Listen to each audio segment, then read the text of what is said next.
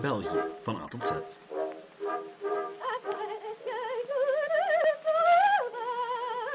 Welkom bij Geschiedenis van België. En welkom bij letter N. N voor NNBS. En um, toegegeven, dat heb ik redelijk breed geïnterpreteerd. In de praktijk gaat deze aflevering niet enkel over de NNBS, maar ook over de geschiedenis van de Belgische spoorwegen. En komt de NNBS er maar bij kijken in de laatste 4, 5 minuten van de aflevering. Maar goed, deze aflevering gaat dus over de spoorwegen, maar even goed over gekke uitvinders, het ontstaan van het kusttoerisme, het verdrag van Versailles, het concept tijd en de strijd tussen stoom en elektriciteit. Dat en nog veel, veel meer in deze aflevering voor Geschiedenis van België.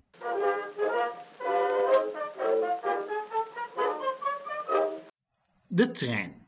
Vandaag de dag slechts een van de vele vervoersmiddelen in het Belgische straatbeeld, maar ooit de onbetwiste koning van het landschap. Het is moeilijk te vatten hoe belangrijk de trein geweest is voor dit land. Economie, demografie, cultuur, landschap, zelfs taal. Al die dingetjes zijn in grote mate beïnvloed door het originele ijzeren ros. Nu, het verhaal van de trein begint natuurlijk niet in België, wel in Groot-Brittannië, waar een heleboel uitvinders jarenlang experimenteerden met stoomkracht in de hoop er machinetjes en op een dag zelfs karretjes mee te kunnen aandrijven. De man die als eerste slaagde in die opdracht was George Stephenson, die in 1829 de eerste stoomlocomotief op de sporen zette die niet spontaan ontplofte, of op termijn ontplofte. En er kwam al snel interesse van de overkant van het kanaal voor die vreemde stoomspuwende karretjes van Stephenson. En dat was geen toeval. In de zuidelijke Nederlanden was men al sinds 1800 druk aan het industrialiseren. En hoewel men zowel over steenkool als mankracht beschikte, miste men nog iets om de bal echt aan het rollen te krijgen, namelijk snel en betrouwbaar transport. Er waren toen twee manieren om iets of iemand te vervoeren: over land en over water. Dat water bevond zich over het algemeen in kanalen die zowat het hele land doorkruisten. En dat water werd vooral gebruikt voor goederentransport. Personenvervoer echter was een heel andere zaak. Daarvoor moest men echt nog in een ouderwetse paardenkoets kruipen. Een paardenkoets die onderhevig was aan wisselende, heel erg Belgische weersomstandigheden en heel erg slechte Belgische wegen. Maar die kanalen, ja, die waren toch redelijk effectief wat betreft het goederenvervoer.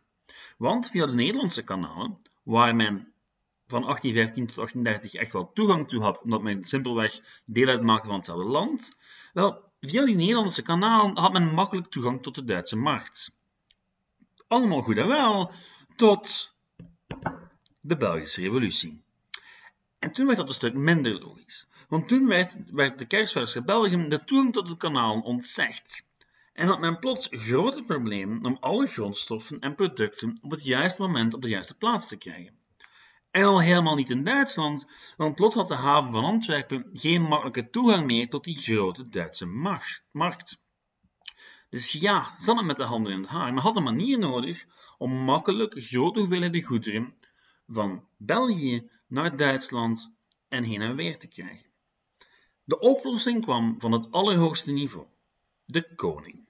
Koning Leopold I, om precies te zijn, die op het moment van zijn kroning al een groot deel van zijn leven in Groot-Brittannië had doorgebracht en altijd de vinger aan de pols had gehouden van een technologische vooruitgang. Het was die Leopold I die Stevenson een bezoekje bracht en vervolgens twee Belgische ingenieurs het kanaal overstuurde. Die twee kwamen dolenthousiast terug en wisten uiteindelijk Kamer en Senaat zover te krijgen om een wet goed te keuren die de aanleg van spoorwegen mogelijk zou maken, zowel door de staat als door private investeerders. Hoe logisch die beslissing vandaag ook lijken mag, dat was het toen voor velen niet. Of luistert u zelf even naar dit betoog tijdens het parlementair debat over de spoorwet. Beste collega's, de stoomlocomotief kent steeds meer succes aan de overzijde van het kanaal. Onze beste ingenieurs hebben ons overtuigd van het nut van een nationaal net en van een spoorlijn tussen Antwerpen en de Rijn. Dit project zal een grote vooruitgang betekenen voor ons handelsverkeer. We horen dat de landbouwers bang zijn dat we hun gronden gaan onteigenen, en ook koetsiers, postbeambten en scheppers vrezen voor hun werk. Er doen zelfs al verhalen de ronde dat de melk door het schudden van de trein zou veranderen in karnemelk, dat de eieren als omeletten op hun bestemmingen zouden aankomen. Maar die angsten zijn volkomen ongegrond. De spoorweg zal duizenden banen creëren en een sterke impuls geven aan onze industrie. Het wordt makkelijker om handel te drijven en onze medeburgers zullen comfortabeler door ons land kunnen reizen. Dit is een kans die we als jonge natie moeten grijpen. Het is een historisch moment. Oké, wat een quote. Nu probeer ik over het algemeen niet te veel lange quotes te gebruiken, maar in dit geval heb ik een uitzondering gemaakt. Net omdat die quote zowat alles meegeeft betreffende het hele debat over de komst van de trein. En eigenlijk zelf over elk debat, over elke mogelijke technologische vernieuwing. Denk maar aan de hele 5G-discussie bijvoorbeeld. De duidelijke voordelen voor de economie worden aangehaald, net als de angst van beroepen wiens broodwinning misschien wel bedreigd wordt door die nieuwigheid. En dan ook nog enkele mythes die nu belachelijk lijken, maar die men toen heel serieus nam.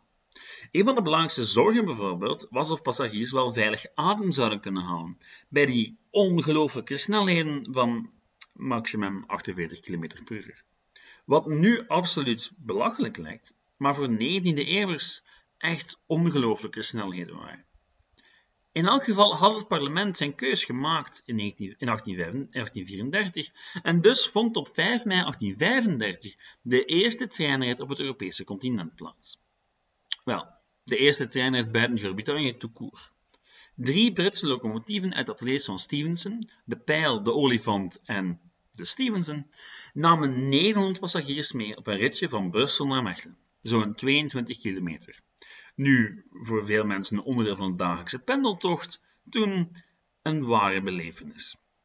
Een van de genodigden was de Franse schrijver Victor Hugo, die het zicht vanuit zijn treincoupé als volgt beschreef. Het graan op de akkers lijkt een wuivende gouden haardos. Die locomotieven die deden er tussen de 45 en 55 minuten over. Zo'n vijfmaal sneller dan de koets die men normaliter zou moeten gebruiken voor hetzelfde traject waarmee het nut van een dergelijk nieuw transportmiddel onmiddellijk ook aangetoond was. En mensen wisten dan ook meteen dat ze konden ademen op een voertuig dat sneller vooruit ging dan 20 km per uur. En die eerste treinlijn, ja, die werd al snel razend populair. Zo'n 150.000 mensen namen die eerste maanden de trein. En het bleef niet bij die ene spoorwegverbinding tussen Brussel en Mechelen en die drie geïmporteerde Britse locomotieven. Nee, nee, de Belgische industrie die begon immers langzaam maar zeker op dreef te raken en al vlug werden er eigen locomotieven gemaakt, met Le Belge als eerste, in de staalfabrieken van Cockerill in Seraing. En die locomotieven die konden ook op steeds meer spoorwegen aan de slag. Met Mechelen als centrum vertakte het netwerk alle richtingen uit. Initieel onder de auspiciën van het staatsbedrijf Chemin de Fer l'État Belge, toen nog volledig Franstalig, maar met een hele rits aan liberale regeringen in de tweede helft van de 19e eeuw kregen ook privébedrijven de kans om spoorwegen aan te leggen en uit te baten. En vaak legden deze bedrijven lokale spoorwegen aan, die echt van belang waren voor de lokale economie. Zij het door arbeiders van het platteland naar de fabrieken te brengen of door noodzakelijke grondstoffen aan te voeren. Vooral in Wallonië kreeg je dus een heel dicht netwerk van lokale spoorwegen die gebruikt werden door de lokale industrie. Nu, een ander voorbeeld van zo'n lokale maatschappij was Chemin de Fer d'Anvers à Gand. Die liet twee stations bouwen, eentje op Antwerpen-Linkeroever en eentje in Gent, genaamd station Gent-Waas. En er propten zowat overal stations op, zowel in handen van privémaatschappijen als in handen van de staat. En met veel van die zaken stations, private maatschappijen en dergelijke, was België eerste en anders wel tweede. Zo werden in 1846 Brussel en Parijs de eerste twee hoofdsteden die per trein met elkaar verbonden werden. Nergens ter wereld, behalve in Engeland natuurlijk, werd de trein op een dergelijke schaal ingezet ten dienste van de industrie. België had naar het einde van de 19e eeuw toe zowel het dichtste spoornetwerk op het Europese continent. En de staat hechtte zelfs zoveel belang aan dat netwerk dat ze zoveel mogelijk private netwerkjes begon op te kopen. Nu, voor we verder gaan richting de, Eerste Wereldoorlog, loont het om eventjes stil te staan bij de impact van al die spoorwegen. En niet enkel op economisch vlak. Zo is er bijvoorbeeld de impact op tijd. Tot 1840 stelde men over het land zijn klok af op de stand van de zon. Wat dus wou zeggen dat er minimale tijdsverschillen waren tussen pakweg Genk en Oostende. Wat het natuurlijk een stuk moeilijker maakt om een trein van A naar B op tijd te laten komen. Zo dus werd in 1840 overal ter landen de klok op de Brusselse tijd gezet. Wat, ons tot een belangrijk neveneffect van dat spoornetwerk brengt. Uniformering. Want voor het eerst werden alle delen van het land met elkaar verbonden. En werd het mogelijk om te pendelen, om ergens te wonen en elders te gaan werken, om op vakantie te gaan zonder ja, twee dagen in een koets te zitten. En zo dus kwamen de Belgen steeds vaker met elkaar in aanraking. En ook in aanraking met elkaars accent. En velen gaan ervan uit dat het algemeen Nederlands in deze periode ontstond, net omdat men veel meer in aanraking kwam met mensen uit een andere streek. En men dus een manier moest vinden om ermee te communiceren. Of hoe algemeen Nederlands het noodzakelijke brugmiddel werd tussen West-Vlaams, Antwerps en Limburgs. Maar goed, dialecten verdienen een heel eigen aflevering. Terug naar het spoor. Dat spoor werd in de 19e eeuw niet enkel aangelegd voor treinen, maar evengoed voor trams. Want vroeger, lieve, liefste luisteraar, lagen er zowat overal tramsporen. Nu, met de komst van koning Auto en broeder Bus verdwenen ze opnieuw, maar ooit was de tram de makkelijkste manier om van het platteland naar de stad te raken. Zowat de enige plek waar nog steeds trams over de door de buurtspoorwegen aangelegde sporen razen, is aan de kust, waar de kusttram nog steeds de hele Belgische kustlijn op en af dendert.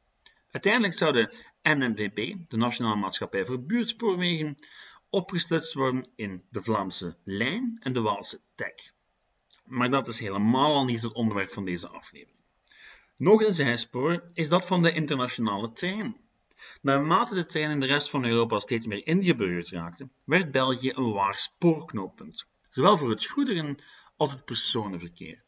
Wat het personenverkeer betreft werd in 1874 de Compagnie Internationale des Wagons-Lits opgericht. En dat is de maatschappij die luxe transport voorzag met onder meer de Orient Express. En omdat België er eenmaal vroeg bij was, waren heel veel van dat soort grote initiatieven van Belgische makelij.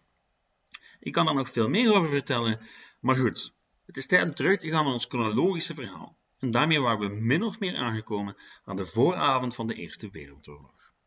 In 1914 lag er zowat 7000 kilometer spoor over heel België. En dat maakte van België een land met een heel hoge mobiliteit.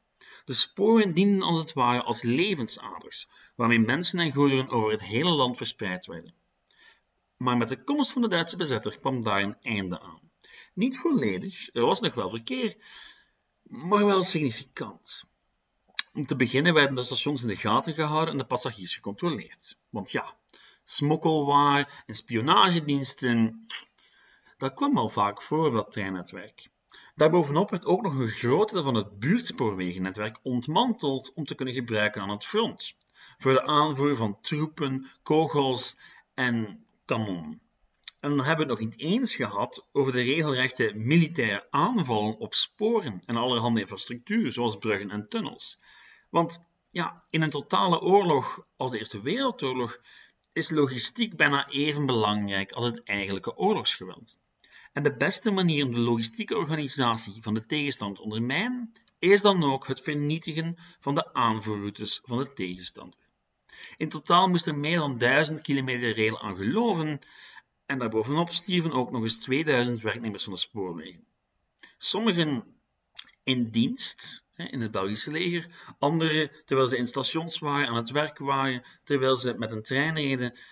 Ja, en dat is de reden waarom u tot op de dag van vandaag in heel wat oudere spoorwegstations een monument kan vinden ter nagedachtenis van gesneuvelde medewerkers. Nu, na de oorlog moest die hele infrastructuur dus weer opgebouwd worden. En geloof het of niet, maar dat verhaal brengt ons tot een korte zijstap naar het verdrag van Versailles.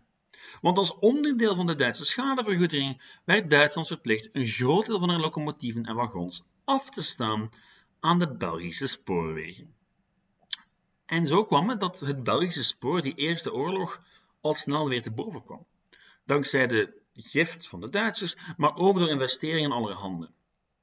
Meer zelfs, er werd al vlug modernisatieoperatie op gang gezet, waarbij de veelal nog houten wagons vervangen werden door metalen exemplaren. En er stond in diezelfde periode nog iets te gebeuren dat grote impact zou hebben op het Belgische spoor. De oprichting van de NMBS. En ja, ik weet, het is de titel van deze aflevering, maar goed, zo gaat het soms. Want tot nu toe houden we het nog steeds over het staatsbedrijf, Chemin de Fer de l'État Belge. Een staatsbedrijf dat in de jaren 20 kritiek kreeg, die bij momenten voor de moderne pendelaar wel heel bekend klinken. De chemin de fer de l'État belge werd ervan beschuldigd een onduidelijke en problematische structuur te hebben, te lijden onder een teveel van politieke inmenging en corrupt te zijn. Kortom, het was een maatschappijvreemde mastodont die het geld van de belastingbetalers opslorpte zonder er goede en accurate diensten voor terug te geven. En weet u wat de oplossing was voor deze mastodont? De NMBS. Die werd opgericht in 1926 als een naamloze vennootschap met de overheid als grootste aandeelhouder. En die nieuwe aanpak die stelde de maatschappij in de staat om zich aan te passen aan de veranderende tijden. Onder meer de komst van verbrandingsmotoren en elektrische motoren. En het zou nog wel een tijdje duren eer de stoomtrein definitief tot de geschiedenisboekjes veroordeeld werd, maar de eerste stappen werden al in de jaren 30 gezet. Maar eerlijk gezegd zag het in de jaren 30 nog best goed uit voor de nationale spoorwegen. De Tweede Wereldoorlog, ja, die veranderde het verhaal. Nu, het verhaal van de Belgische spoorweg tijdens de Tweede Wereldoorlog, die zijn grotendeels hetzelfde als tijdens de Eerste Wereldoorlog, maar er is één grote uitzondering. En ik wil het er toch eventjes over hebben. Namelijk het gebruik van NBS-trein voor de deportatie van 35.257 Joden en 352 Zigeuners. Nu, laten we eerlijk zijn, de NBS had weinig keuze.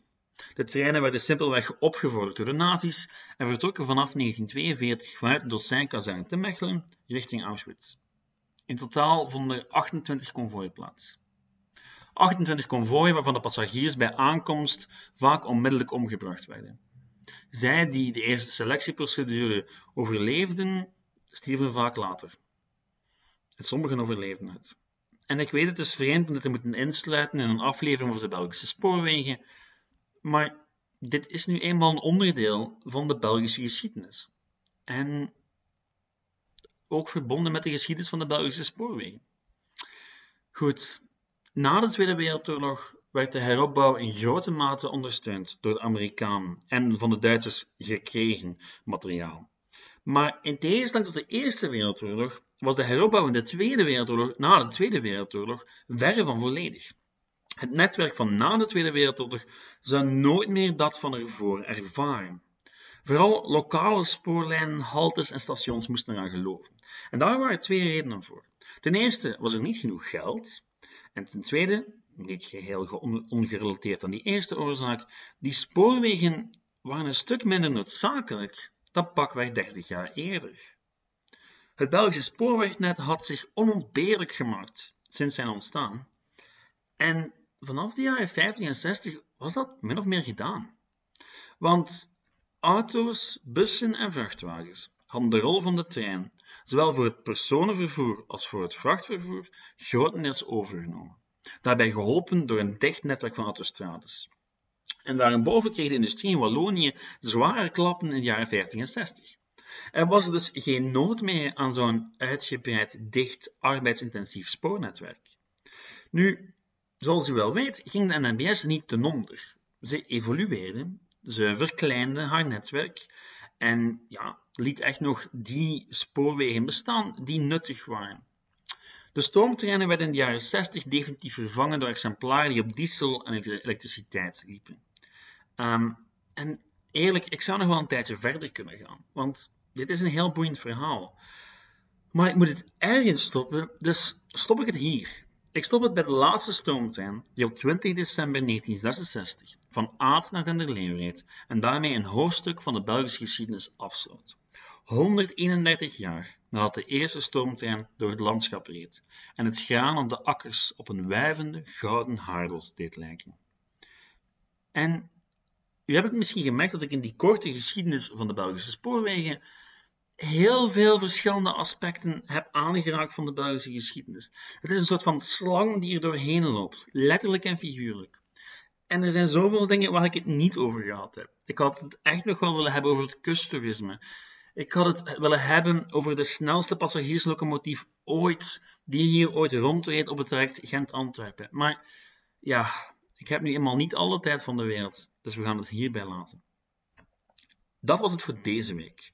Sowieso bedankt voor het luisteren, maar ik heb nog een kleine en redelijk belangrijke mededeling. Gezien het format van dit seizoen kom ik normaliter binnen twee weken uit bij de letter Q. En liefst luisteraar, eerlijk waar, hoezeer ik mijn brein ook gemarteld heb, ik kan maar niet op een zinnig en relevant onderwerp uitkomen met de letter Q. Toch niet eentje dat met België te maken heeft. En dus ga ik u laten beslissen. Hebt u een suggestie of een idee? Laat me vooral weten via de e-mail geschiedenisvan.outlook.be of op de Facebookgroep. In de loop van volgende week komt dan een peilingje online waarin u kan stemmen op uw favoriet. Nu, een van de mogelijkheden zou zijn om simpelweg een Q&A te doen, question and answer, maar dan moet ik wel minstens een vraag of vijf hebben om een aflevering mee te vullen. Nu, bent u geïnteresseerd? Wilt u mij vragen stellen? Wel, stuur maar op. Dat kan een persoonlijke vraag zijn, eentje over mijn werkproces, eentje over Belgische geschiedenis, whatever. Verder moet ik u er enkel nog op wijzen dat u dit nederige projectje vooruit kan helpen door te liken en te sharen. En mocht u de tijd nemen om een review te schrijven op iTunes, dan zou me dat ook al een heel eind verder helpen. Bedankt voor het luisteren en tot volgende week.